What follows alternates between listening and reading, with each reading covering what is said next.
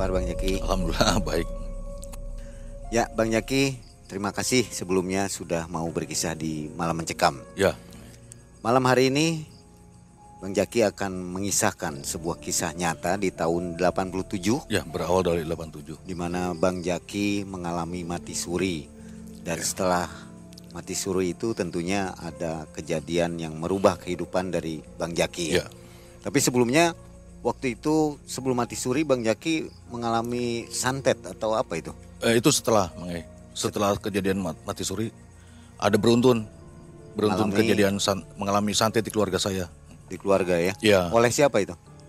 satu tetangga, satu lagi sama eh, kakak ipar. Jadi ibu tirinya dari dari keponakan saya.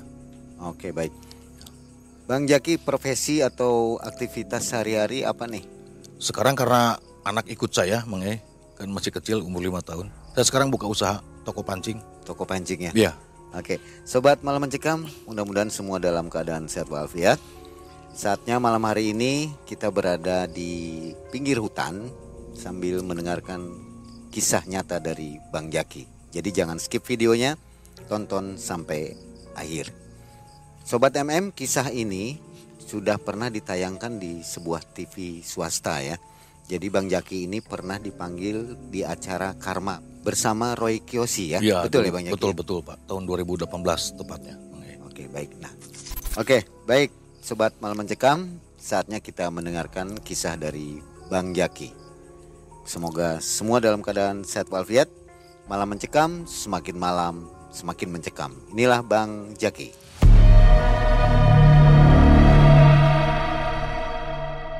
Jadi kisahnya Mang E berawal dari tahun 1987. Saat itu ayah saya mengalami sakit yang menurut saya aneh karena perutnya besar tapi di pusarnya hitam kayak hangus Mang E. Dan yang anehnya ketika eh, mengalami sakit yang luar biasa, ayah saya itu pasti inginnya sama saya di urutnya Mang E. Entah kenapa begitu. Nah suatu malam ada terdengar suatu letupan keras di atas di atas rumah kita lantai dua. Jadi di atas genting itu jebol sampai ke plafon, tapi nggak ada benda, mang E.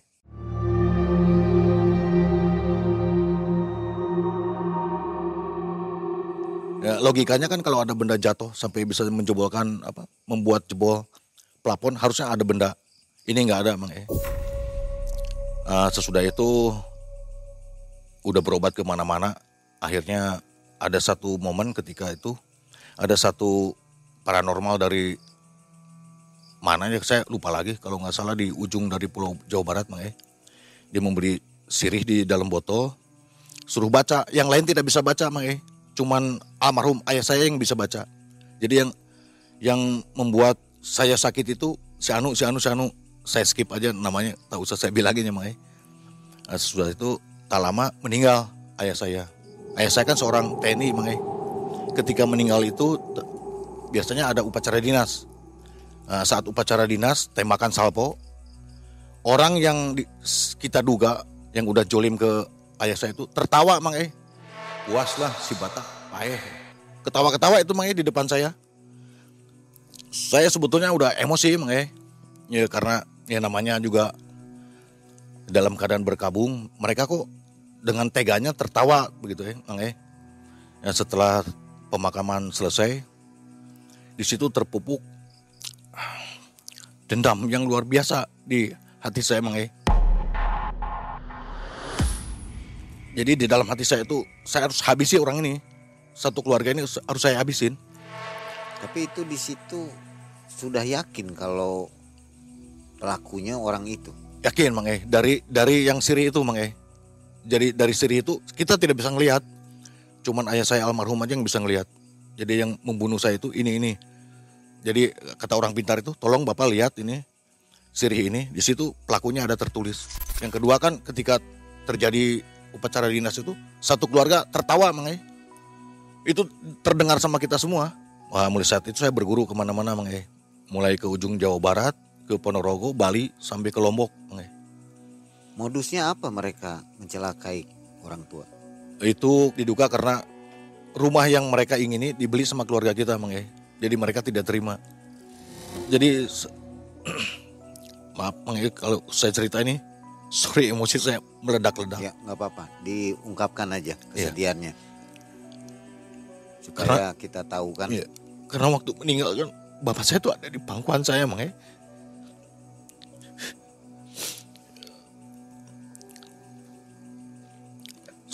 se- setelah lulus SMA saya nggak masuk langsung kuliah Mang E. Jadi selama setahun saya berguru ke mana-mana aja. Jadi ber- bermodalkan sepeda motor saya pergi ke ujung Pulau Jawa Barat. Mulai dari puasa saya lakonin puasa 41 hari yang satu harinya tuh harus melek. Gak boleh tidur sama sekali. Jadi kalau dihitung tuh 41 dengan melek itu Mang E. Mulai dari pasang gotri, terus apa gabah itu. Saya minum gabah, di black ini saya pernah. Kalau puasa mutih saya juga pernah Mang E. Dan karena untuk menimbulkan keyakinan saya nih, untuk melampiaskan dendam saya, jangan-jangan ini nggak ampuh. Saya coba, memang memang teruji Mang E. Tapi karena saya tidak puas kan coba di jalanan Mang E. Saya berantem di jalanan memang kebal Mang E. Nah suatu saat kita tuh punya tongkrongan itu di tengah kota Cimahi Mang E. Jadi di samping toko-toko ah, satu saat ada preman lah yang yang meminta jatah ke toko yang biasa deket kita nongkrong itu secara paksa Mang E. Nah, saya kan nggak sebagai orang yang sudah dekat dengan pemilik toko bela Mang E. Akhirnya terjadi perkelahian. Ya, dari situ kan saya timbul timbul hati saya nih, ah, saya mau coba nih benar nggak saya kebal gitu. Emang coba saya kebal mang ya. Malah saya berapa kali kalau berantem tidak puas kalau orang itu tidak membawa senjata saya kurang puas mang. ya. Saya suruh pulang dulu, kau pulang dulu bawa senjata. Kalau cuma tangan kosong, saya kurang pas jadi kurang kurang meyakinkan saya kalau saya ini mempunyai kekuatan kanuragan kayak gitulah mang ya. Sampai suatu saat saya pernah masuk penjara mang ya. Kasus 351 berantem mang ya. Iya, kasusnya awalnya saya lagi jalan mang ya, orang itu kayak ngelihat ngeledek gitu mang ya. Nah, setelah mempunyai ilmu itu saya rasakan saya cepat emosi, temperamen mang ya. Jadi saya samperin, saya hajar orang itu mang ya.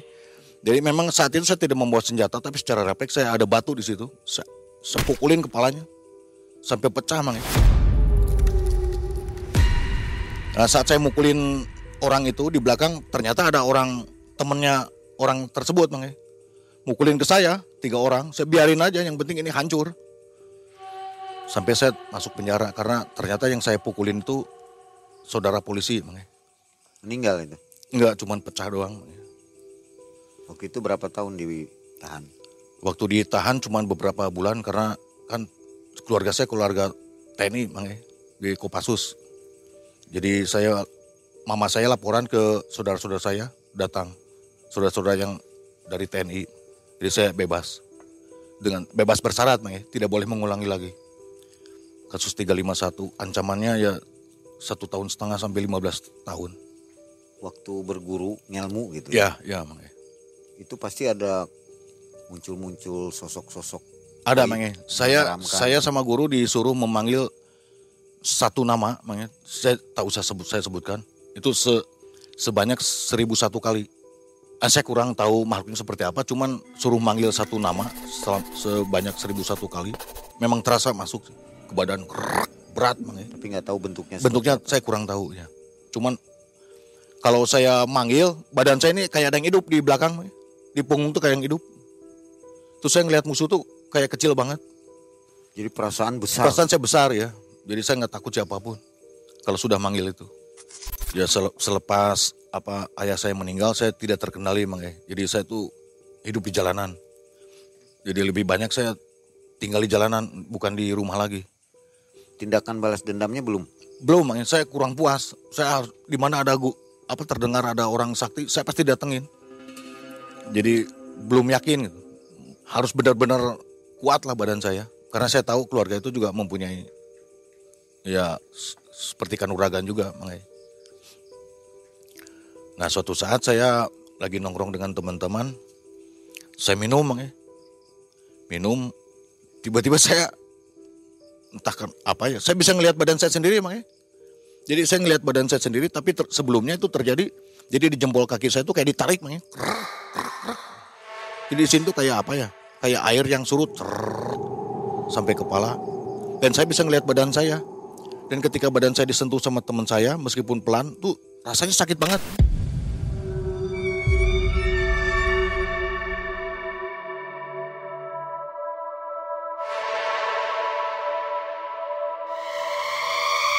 Tiba-tiba ada yang narik. Ketika saya merasakan sakit itu ada yang narik. Saya bisa ngelihat badan saya sendiri. Saya ada yang narik. Terus ada cahaya putih. Cuman ada suara. Itu kamu lihat ke arah depan. Saya lihat ada ini, Mang E. Ada pohon sangat besar seperti beringin. Itu daunnya warnanya emas. Jadi ada nama saya, bin siapa gitu. Itu tidak jatuh ada di tengah-tengah. Tapi yang berserakan banyak yang berguguran, Mang E.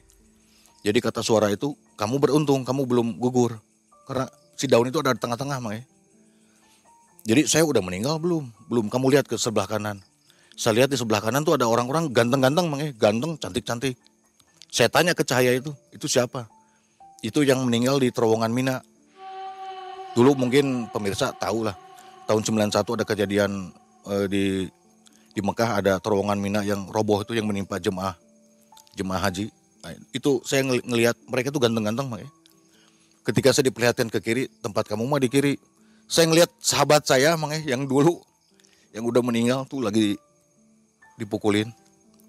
Saya kan bingung. Jadi saya harus masuk ke mana? Ke sana. Karena yang kamu sembah itu beda. Salah yang kamu sembah itu. Suara itu Mang, yang ngasih tahu. Itu dalam keadaan mati suri ya. mati suri ya Mang ya. Ini kenapa saya bisa ngelihat apa teman saya lagi dipukulin gitu. Banyak banget terus banyak teriakan, "Wow, ampun, Allah Akbar." Wah, pokoknya ceritanya kalau saya dengar mungkin saya nggak tahan untuk yang kedua kali mungkin saya nggak tahan saking banyaknya jeritan-jeritan. Setelah itu kamu pulang lagi aja karena belum waktunya kamu. Nah, ketika saya sadar, saya pegang-pegang ini kayaknya ini boeh mungkin Mang ya kan orang meninggal biasanya ada boeh mang ya. Tapi ketika saya pegang bukan ternyata saya masih di saung, masih di saung itu mang ya. Sa- saung di pinggir sawah karena kejadiannya mati suri itu saya di sawah. Nggak ada yang tahu waktu mati Pada suri. lari semua karena ketakutan mang ya. Ketakutan dimarahin sama keluarga saya. Oh jadi itu teman-teman mabuk lari semua. Lari semua ketakutan mang ya. Dan akhirnya saya sadar pas saya, saya tanya, kok jamnya udah jam sore banget. Perasaan saya dibawa ke alam sana itu cuman beberapa menit aja mang ya. Tapi pas saya lihat kata teman saya juga sekitar 8 jam lebih saya nggak adanya. Waktu mati suri orang tua tahu. Eh, nggak tahu makanya kan posisinya di tengah sawah makanya. Jadi saat mati suri itu makanya saya ternyata saya mo- mohon maaf, mohon maaf ya jika ada yang tersinggung pemirsa. Jadi saya bukan menjelekan suatu agama ya makanya. Jadi selama ini yang saya sembah itu ternyata bukan Allah yang menciptakan kita makanya. Maaf waktu itu agamanya apa? Saya Protestan makanya, keluarga saya Protestan. Itulah yang menimbulkan saya rasa saya untuk menjadi seorang mualaf makanya. Eh, Kenapa saya di apa eh, ingin jadi mualaf karena kejadian mati suri itu. Kedua saya saat waktu bangun dalam keadaan mati suri itu terdengar ajan jauh tapi menyentuh hati makanya. Allahu Akbar Allah enak banget gitu. makanya. Kayaknya sejuk. Lalu saya cerita ke teman saya. Gimana sih syarat mau masuk Islam? Udah cukup bahasa syahadat aja emang kenapa? Saya pengen masuk Islam gitu saya. Ah yang serius kata teman saya. Akhirnya saya dibawa ke orang tuanya. Terus dari orang tuanya saya suruh ke Salatiga untuk disahkan untuk menjadi mualaf Mang E. Saat itu saya masih ingat puasa Mang E. Saya bilang ke teman saya, boleh nggak saya puasa? "Eh, boleh kalau kamu niat. Saya alhamdulillah dari perjalanan Cimahi ke Salatiga dalam keadaan puasa Mang E. Dari situ saya ngobrol ke saudaranya teman saya, akhirnya dibawa ke Kiai di pesantren Keramat di Salatiga dan akhirnya saya disunat udah besar Mang E. Sunat dan sah menjadi Islam Mang E. Dan di situ saya merasa sangat lega dan banyak mengalami apa ya kejadian yang luar biasa setelah saya masuk Islam Mang E. Jadi balas dendamnya nggak jadi nih. Ya itu karena saya ngedengar apa beberapa nasihat-nasihat dari teman eh, dendam itu nggak baik. Akhirnya saya sedikit-sedikit saya buangin ilmu-ilmu yang setelah pelajari Mang E. Saya buang-buang semua. Jadi pantangan-pantangannya saya lepasin semua. Saya langgar semua maksudnya.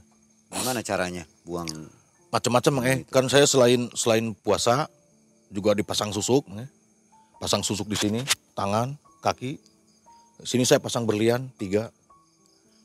Ya, akhirnya saya langgar semua pantangannya. Karena bukan apa-apa Mang eh. Selama saya memakai pegangan seperti itu, temperamen, set, begitu temperamen. Jadi nggak bisa saya dilihat orang, disepelekan orang tuh nggak bisa Mang eh.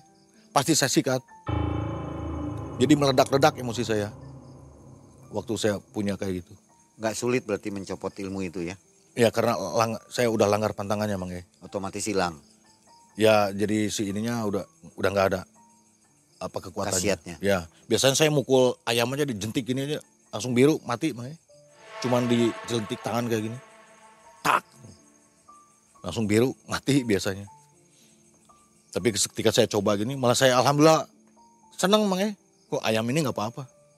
Berarti saya udah nggak punya apa-apa. Alhamdulillah. Jadi emosi emosi saya juga agak terkontrol sesudah sebagian besar dibuang. Awal-awal saya ibadah, kan saya masuknya di ini Mang eh di eh, SD Islam. Ah, kan waktu SD kalau di SD umum Mang eh ketika sesudah salam kepada guru biasanya membaca Al-Fatihah dan sama dua ayat pendek biasanya surat pendek seperti Kulhu ataupun Anas. Jadi meskipun saya Kristiani, saya SD udah hafal Al-Fatihah sama surat-surat pendek Mang E. Da- Ada ada kejadian lagi yang luar biasa Mang E. Ketika saya sudah memeluk Islam, di teman-teman kuliah tuh banyak yang ngasih sarung, sejadah Mang E. Saya bawa ke kamar, ketahuan sama ibu saya Mang E. Saya diusir. Saya nggak boleh ada di rumah. Jadi almarhum ibu saya tuh bilang, di keluarga kita, turunan kita nggak ada yang muslim. Kalau kamu muslim keluar dari rumah. Saya keluar dari rumah Mang E. Jadi saya hidup di jalanan. Usia berapa itu? Itu kuliah tingkat satu usia 20, 21-an. 21. Bang, iya. Akhirnya saya ngontrak di satu rumah. Beres kuliah, saya bekerja Mang E. Nah, ada kejadian yang saya akan pasti ingat tuh kejadian ini. Jadi saat saya lagi diam di kosan tuh tiba-tiba saya gelisah Mang E. Saya pengen pulang gitu. Kenapa saya pengen pulang gitu. Akhirnya saya memaksakan diri untuk pulang. Saya ketok rumah dengan ragu-ragu Mang E. Saya diusir yang kedua kali sama ibu. Eh, ketika diketok jam 11 malam saya itu waktu masih ingat Mang E. Dibuka sama ibu. Ya. Rek naon mana ka dia? Jadi kata kalau bahasa Indonesianya, kamu mau apa ke sini? Enggak mak, saya kangen aja. Saya hanya saya duduk aja di kursi. Saya ngelihat terbaring ada ponakan terbaring Mang. Ini kenapa? Ini terbaring. Nama nama ponakan saya Mang E. Sakit kata dia. Itu ada kejadian aneh Mang E. Tiba-tiba mulut saya tuh ketarik Mang E. Jadi kayak ketarik ngomong. Ah itu mah bukan bukan penyakit biasa. Saya demi Allah makanya bukan saya kemauan saya ngomong seperti itu. Tiba-tiba terucap seperti itu aja. Masa kamu tahu dari mana kata mama teh. Ah tiba-tiba ini seperti kerasukan Mang E. Jadi ponakan saya yang lagi sakit itu kerasukan. Jadi badannya sangat kecil. Kecil banget tapi perutnya gede. Langsung dia teriak si ponakan itu. Langsung mama kan kaget Mang E ketika ngedenger itu. Ini kamu. Bukan, saya yang akan membunuh kamu. Nunjuk ibu saya Mang E. Ah, setelah itu saya samperin E. Tiba-tiba seperti ada yang nyuruh. Hampiri eh, ponakan saya, ponakan saya itu saya hampiri. Saya bacakan Al-Falak, saya seperti dicekik E. Jarak jauh tapi digini E. Itu terasanya jantung saya kayak diremas. Kayak mau kayak mau mati aja Mang E. Udah sesek dada saya. Udah, ah, udah gak tahan saya Mang E. Ah, padahal tangan ponakan saya cuman kayak gini aja Mang dalam keadaan tidak sadar itu. Wah payahan kayak gitu. Tiba-tiba tak si jantung saya tuh kayak diremas, sakit banget Mang. E. Ketika saya panik, ada seperti suara di belakang, bacakan Al-Falak dengan yakin. Saya bingung Mang. Antara takut dan gugup Mang. E. Saya bacakan Al-Falak dengan pelan-pelan. Tiba-tiba si ponakan saya itu menjerit. Lepaskan aing goblok. Teriak-teriaknya kalau bahasa Indonesia mah lepasin saya gitu Mang. E. Syarek naon cenah ngalawan ke aing. Teu nyaho aing teh cenah jagoan Aing teh paling jago santet mah di Cianjur mah. Ada ngelawan Aing. Saya digini mang ya. Untuk kedua kali saya kayak mau mati ya. Kayak ayam dipotong gitu. Gak tahan. Kata ibu saya, udah jangan dilawan. Tapi saya udahlah, saya akan lawan. Karena saya kan bagaimanapun ada ada ada ikatan saudara sama ponakan saya. Saya lawan, ya. Meskipun dengan saya jujur aja saya tidak mempunyai ilmu pengobatan sebetulnya mah.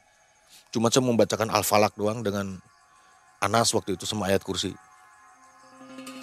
Nah tiba-tiba ada kejadian aneh. Ada kakak saya yang lembah yuni, makanya kalau kata orang Sunda mah lembah yuni itu mudah, mudah untuk kerasukan ya. Tiba-tiba baru buka pintu ke kakak saya tuh, langsung ngomong makanya. Kamu tahu nggak yang kemarin nyetrika di situ? Itu pelakunya. Kata saya ini siapa? Jalannya tuh udah kayak cowok makanya. Ini siapa? Pokoknya yang yang bikinnya itu yang kemarin nyetrika di sini. Nah, sudah ngomong itu langsung jatuh kakak saya. Nah, saya lihat eh, ini apa? Ponakan itu dalam keadaan lemah karena badannya udah kecil banget. Udah perutnya besar ini tinggal tulang makanya. Tiba-tiba kesurupan lagi. Siapa masih rek jago ke aing, aing tuh jago santet, mulai ngalihkan aing. Saya tiba-tiba ada keberanian makanya. Saya insya Allah akan melawan kamu meskipun saya tidak mempunyai apa-apa. Saya bacakan al-falak aja terus dengan yakin sama sholawat. Tiba-tiba kayak ada nyuruh di badan saya tuh.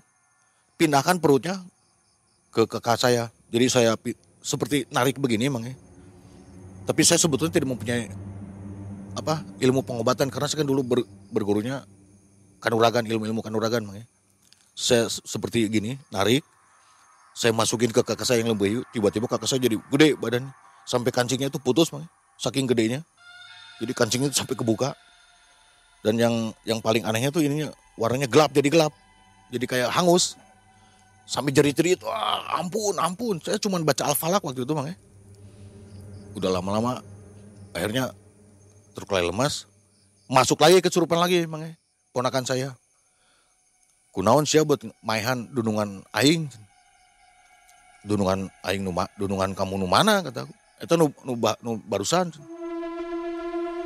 langsung nanya ibu saya dengan spontan nanya mang ini sebetulnya siapa yang ininya bahasa Indonesia nanya ibu saya itu yang yang nyuruhnya itu yang namanya anu anu anu ternyata ibu tirinya ponakan saya mang dan gurunya namanya si gini gini gini.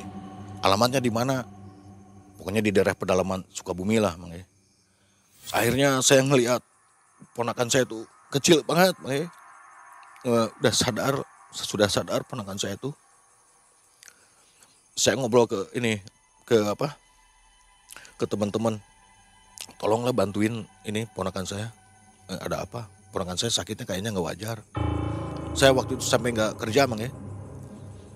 Saya panggil teman-teman kumpul di rumah saya. Saya yasinan mang ya. Ibu saya kan bingung karena seorang masih Kristen ibu saya. Kok anak saya bisa baca yasin? Saya baca yasin tiba-tiba ada suara gerobak di atas deg deg ting teng. Kayak delman makanya tapi di atas ini di atas genting ya. Ada lagi suara makanya usahakan kamu jangan tidur sampai jam 12 malam. Ini siapa ini yang yang ngomong? Saya masih bingung sampai sekarang tuh saya tidak tahu siapa sosok itu siapa makanya saya lihat jam masih menunjukkan jam 11 kurang waktu 11 kurang malam. Saya ngomong ke teman saya, ada namanya Ricky, almarhum tuh Mang. Ki, kataku saya mendengar kok jangan tidur sampai jam 12. Kamu ngedengar dari mana? Saya kurang tahu. Wujudnya siapa saya nggak tahu kata saya. Ya udah kita cobain aja. Nah, kita coba jikir-jikir Mang. Kembali terdengar lagi suara ini Mang. Deg deg deg deg deg deg ting tang di atas. Saya pikir kan itu suara orang yang dorong roda mie ayam karena di sebelah kan ada yang kontrak orang apa jualan mie ayam. Ternyata saya lihat nggak ada, belum pulang mereka. Tapi karena itu siapa yang ada di atas? Ah, tanpa kita sadari ternyata kita tertidur, bang ya. Kita terbangun oleh jeritan ibu saya.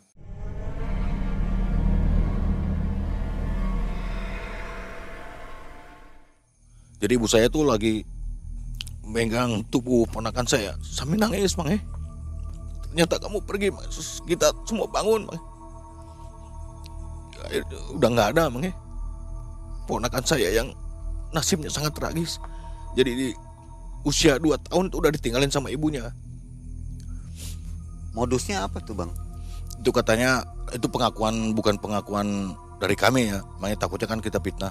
Pengakuan dari makhluk itu mang eh jadi emang eh apa namanya modus dari pelaku menyantet ponakan saya itu karena ibu saya tinggal di rumah lumayan besar lah mang eh dan ibu saya mempunyai peninggalan tuh empat rumah dan tanah tuh sekitar tiga hektaran mang eh jadi itu yang ingin dimiliki sama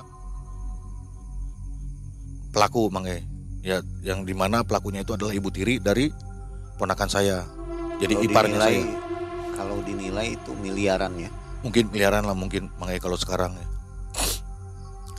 Nah sesudah udah meninggal nih makanya ya ponakan saya itu waktu kita tertidur semua meninggal.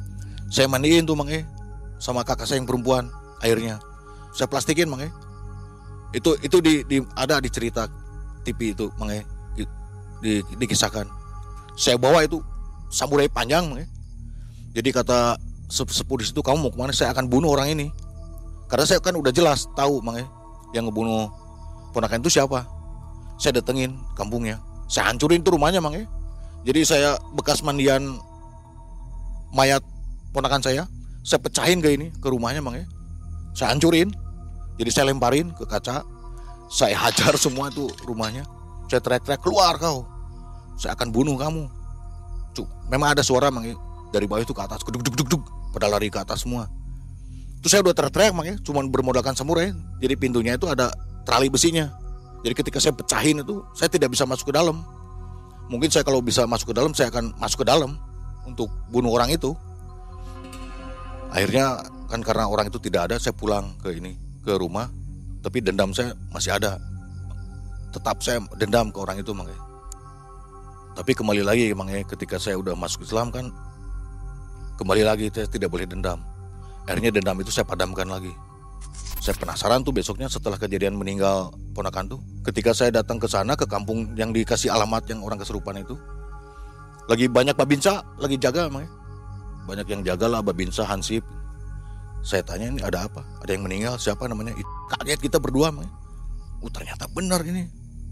Pak mohon maaf pak saya mau nanya apa meninggalnya kenapa? Kesambar petir. Jam berapa? Jam 11 malam. Langsung saya ingat kejadian itu Mang.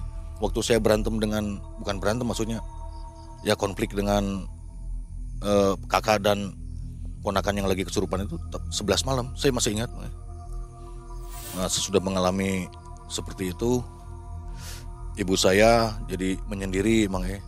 karena kan udah tidak ada temannya lagi biasanya kan dengan almarhum ponakan saya nah suatu saat saya tinggal di rumah ibu saya meskipun saya udah udah mualaf nih Mang E. Jadi saya usaha ikan koi saat itu Mang E. Karena kejadian itu ibu saya jadi baik Mang E. Jadi oh ini anak saya itu sayang ke keponakannya gitu. Mungkin dari situ lah Mang E. Jadi saya pulang lagi ke rumah, saya usaha ikan koi Mang E. Ketika usaha ikan koi mau nguras kolam itu protes sini Mang E. Tetangga itu karena basah si airnya. Akhirnya kata mama, udah aja kamu tinggalin rumah yang kosong yang di tengah kota. Saya tinggal di situ, Mang E. Di situlah awal mu- mula saya kena santet lagi, Mang E. Saya pribadi kena santet. E. Jadi kalau sore-sore itu lepas maghrib, saya harus ajak istri saya itu untuk pulang ke ini, eh keluar rumah. Kalau enggak saya pukulin tuh, Mang E. Ini sampai bonyok-bonyok istri saya saya pukulin. Jadi misalkan seperti gini, mah ayo kita kita pergi. Emang kenapa? Pokoknya setiap saya menghadapi malam, saya rasa takutnya luar biasa, E. Kayak saya ini akan me- akan mengalami kematian seperti itu mang ya. Jadi saya merasa di belakang itu kayak ada yang ngintip mau cabut nyawa saya. Jadi pokoknya mah, ayo kita pergi dari dari rumah ini. Kamu itu mau ngapain sih malam-malam kayak gini? Kamu mau nggak ajak saya keluar? Nggak. Itu langsung saya pukulin mang ya. Sampai patah-patah istri saya ini giginya. Saya ajar sampai pingsan pernah berapa kali mang ya. Pokoknya setiap saya menempati rumah itu mengalah apa menjelang maghrib itu saya gelisah aja, gak mau di rumah itu mang ya. Entah kenapa lah aneh pokoknya mang ya. Kasihan istri dihajar ya. Ya, cuman alhamdulillahnya istri saya itu sadar mang ya. Saya tahu sifat kamu. Ini bukan kamu yang mukul mukul saya. Saya, saya paham. Saya alhamdulillah. Lah. Jadi ketika saya melangkahkan pintu rumah kaki dari pintu, misalkan ini pintu satu meter dari pintu, itu plong hati saya tuh. Jadi kayak lega gitu mang ya. Tapi selama saya ada di rumah, di rumah yang disengketakan itu mang ya, ah, itu ngamuk betul betul betul ngamuk dan banyak kejadian yang luar biasa aneh mang ya. Seperti ada suara apa eh, ketawa-ketawa di atas tuh mang ya. Tuh saya pernah sholat mang ya, lagi sholat gini, lagi sholat. Waktu baru rokat pertama, Allahu Akbar. Di depan tuh kayak ada kelebatan hitam gede. Bus. Ketawa dia mang ya. Puas ya kamu kalah. Itu suaranya serem banget mang ya. Cuman wajah bentuk aslinya saya kurang paham. Tapi saya yakin tuh sosoknya tinggi besar karena kan selewatnya dia ada ke belakang saya mang ya. Ke belakang. Jadi dia tertawanya di belakang.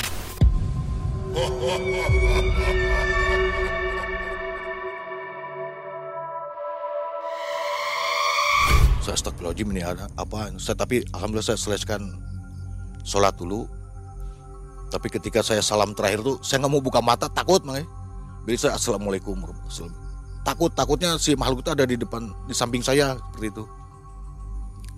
Selain itu pernah satu saat mang di rumah itu juga ya mang jadi ketika ada tamu nih ya, kan ini ruang tamu tuh di depan saya itu ada kamar saya kamar saya itu ada hordengnya. Itu ada kaki jalan-jalan cuman sepotong makanya jadi cuman kaki se sebatas mata kaki doang itu jalan-jalan dan yang anehnya semua melihat. Jadi tamu dengan saya itu melihat semua. Bang itu apa? Emang siapa? Ya di kamar ada siapa? Gak ada siapa-siapa. Itu siapa yang tadi bolak balik ah masa? Tuh saya penasaran saya lihat perhatiin. Detik-detik awal tuh nggak ada tapi lama-lama saya perhatiin betul ada. Jadi cuman kaki doang yang lewat bolak balik itu aneh. Yang anehnya itu kenapa orang lain semua bisa ngelihat? Si kaki itu jalan-jalan keanehnya itu seperti saya nggak nggak betah di rumah. Emosi emang ya. Istri saya jadi korban saya pukulin terus. Tolonglah kamu cari berobat. Saya berobat ke mana-mana.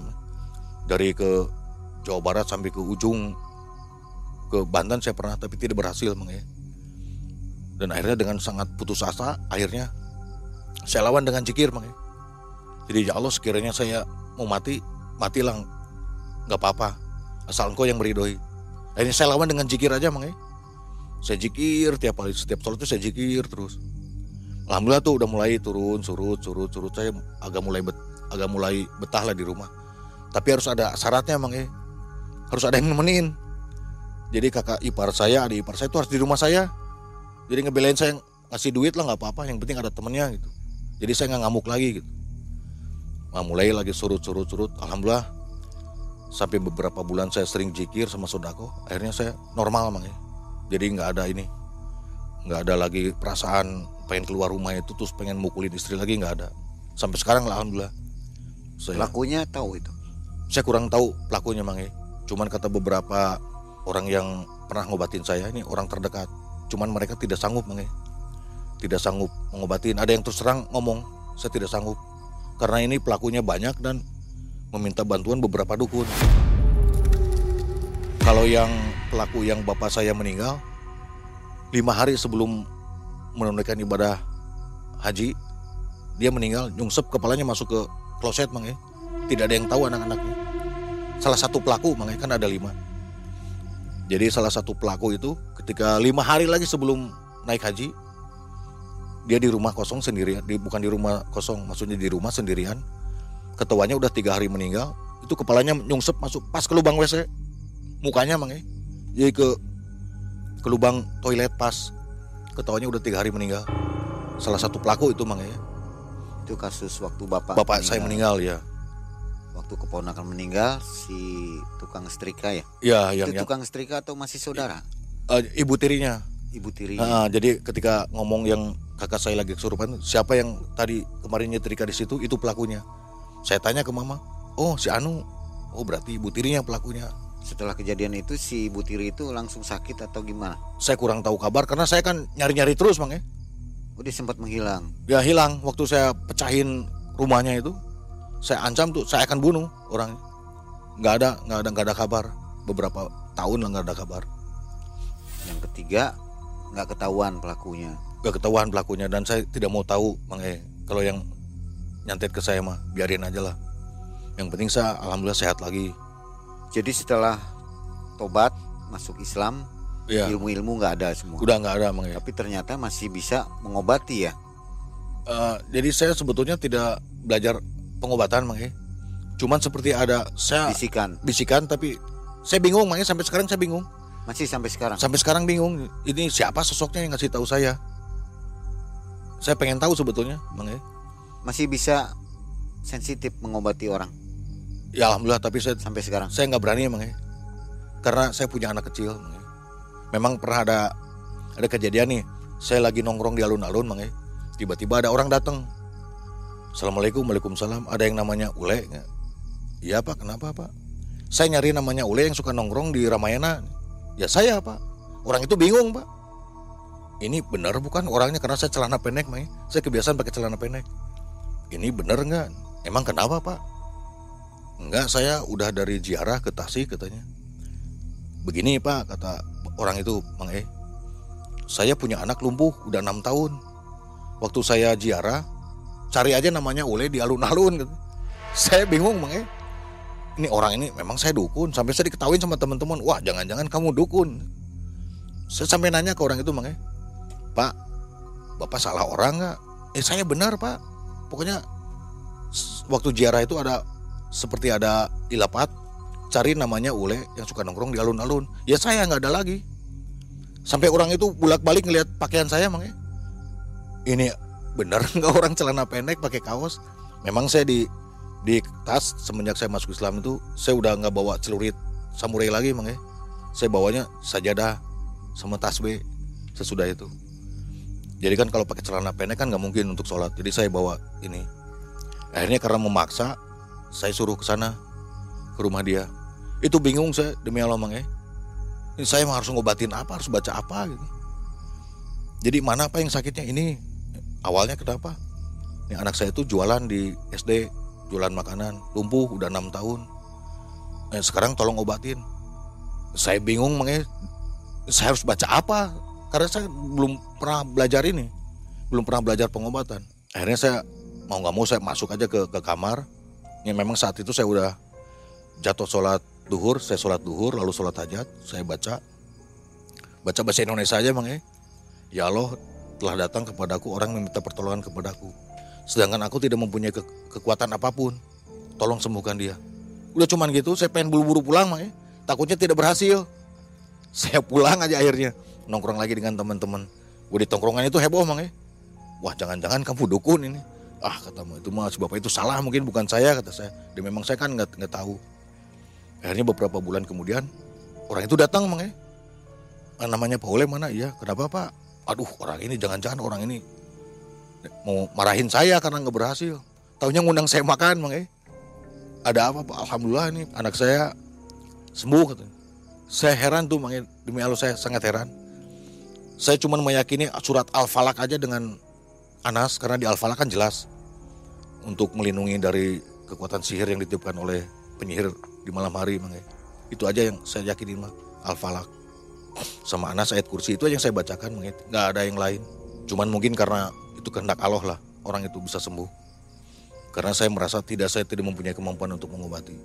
Cuman kalau sedikit peka ya sedikit ya. Saat ini dendam-dendam sudah nggak ada ya Bang Yaki. Udah nggak ada Mang. ya.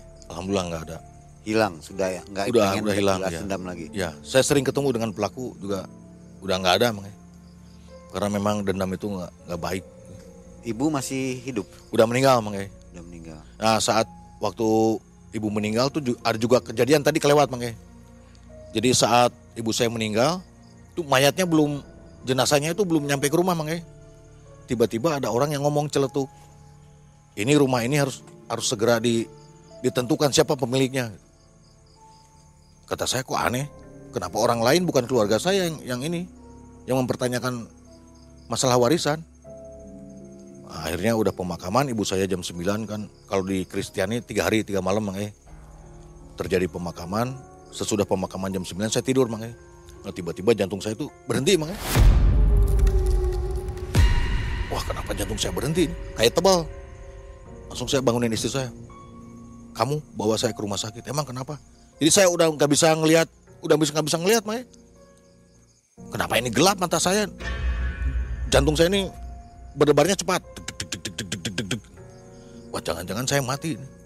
Saya bangunin istri saya, ayo bawa saya ke rumah sakit. Mau ke mana bang? Udah kamu tidak tidak tahu apa yang aku rasakan. Jadi istri saya di depan, saya diikat pakai samping, bawa ke rumah sakit.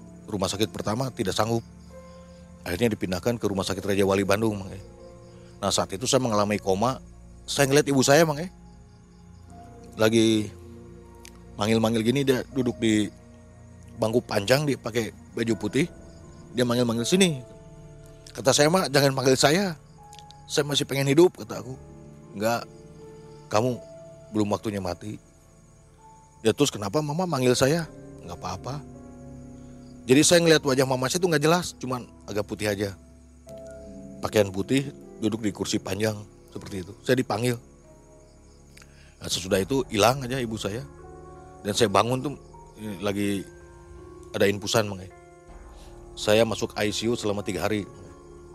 Nggak ngomong apa-apa ya ibu. Ya cuman gitu aja. Kamu sini, saya kangen cuman gitu aja. Mengenai. Nggak ada ngasih pesan apa-apa nggak ada. Tanda perpisahan mungkin. Iya mungkin mengenai.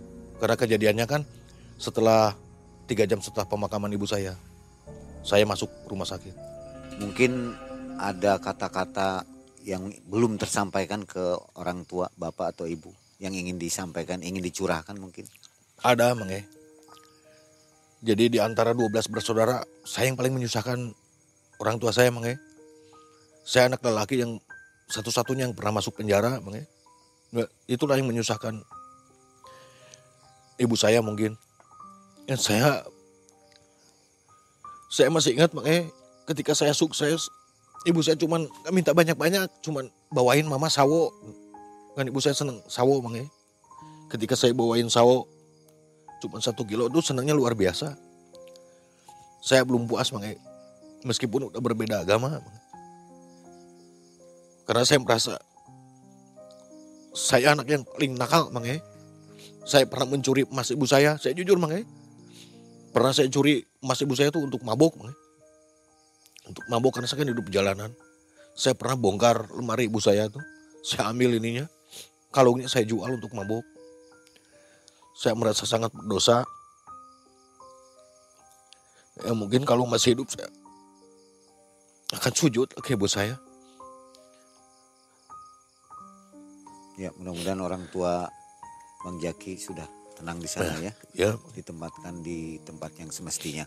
ya Dari kisah ini ada pesan untuk penonton malam mencekam. Apa pesannya? ya ada emang eh kalau menurut saya emang ya mohon maaf saya bukannya menyinggung praktisi-praktisi yang lain ya banyak sih praktisi yang baik juga kalau sekiranya kita mengalami santet cobain dulu dengan sendiri perbanyak sodako jikir karena saya alhamdulillah sembuh itu dengan jikir dan sodako emang ya saya udah berobat ke mana-mana ya tidak mengalami kesembuhan akhirnya saya dengan jikir sendiri sama sodako ke anak yatim alhamdulillah saya sekarang saya sehat mang ya. Boleh diijazahkan mungkin jikir yang baiknya. saya memperbanyak sholawat mang ya. Selawat. sholawat sama al-falak ya Itu saja. itu saya sholawat yang paling banyak saya amalkan mang ya.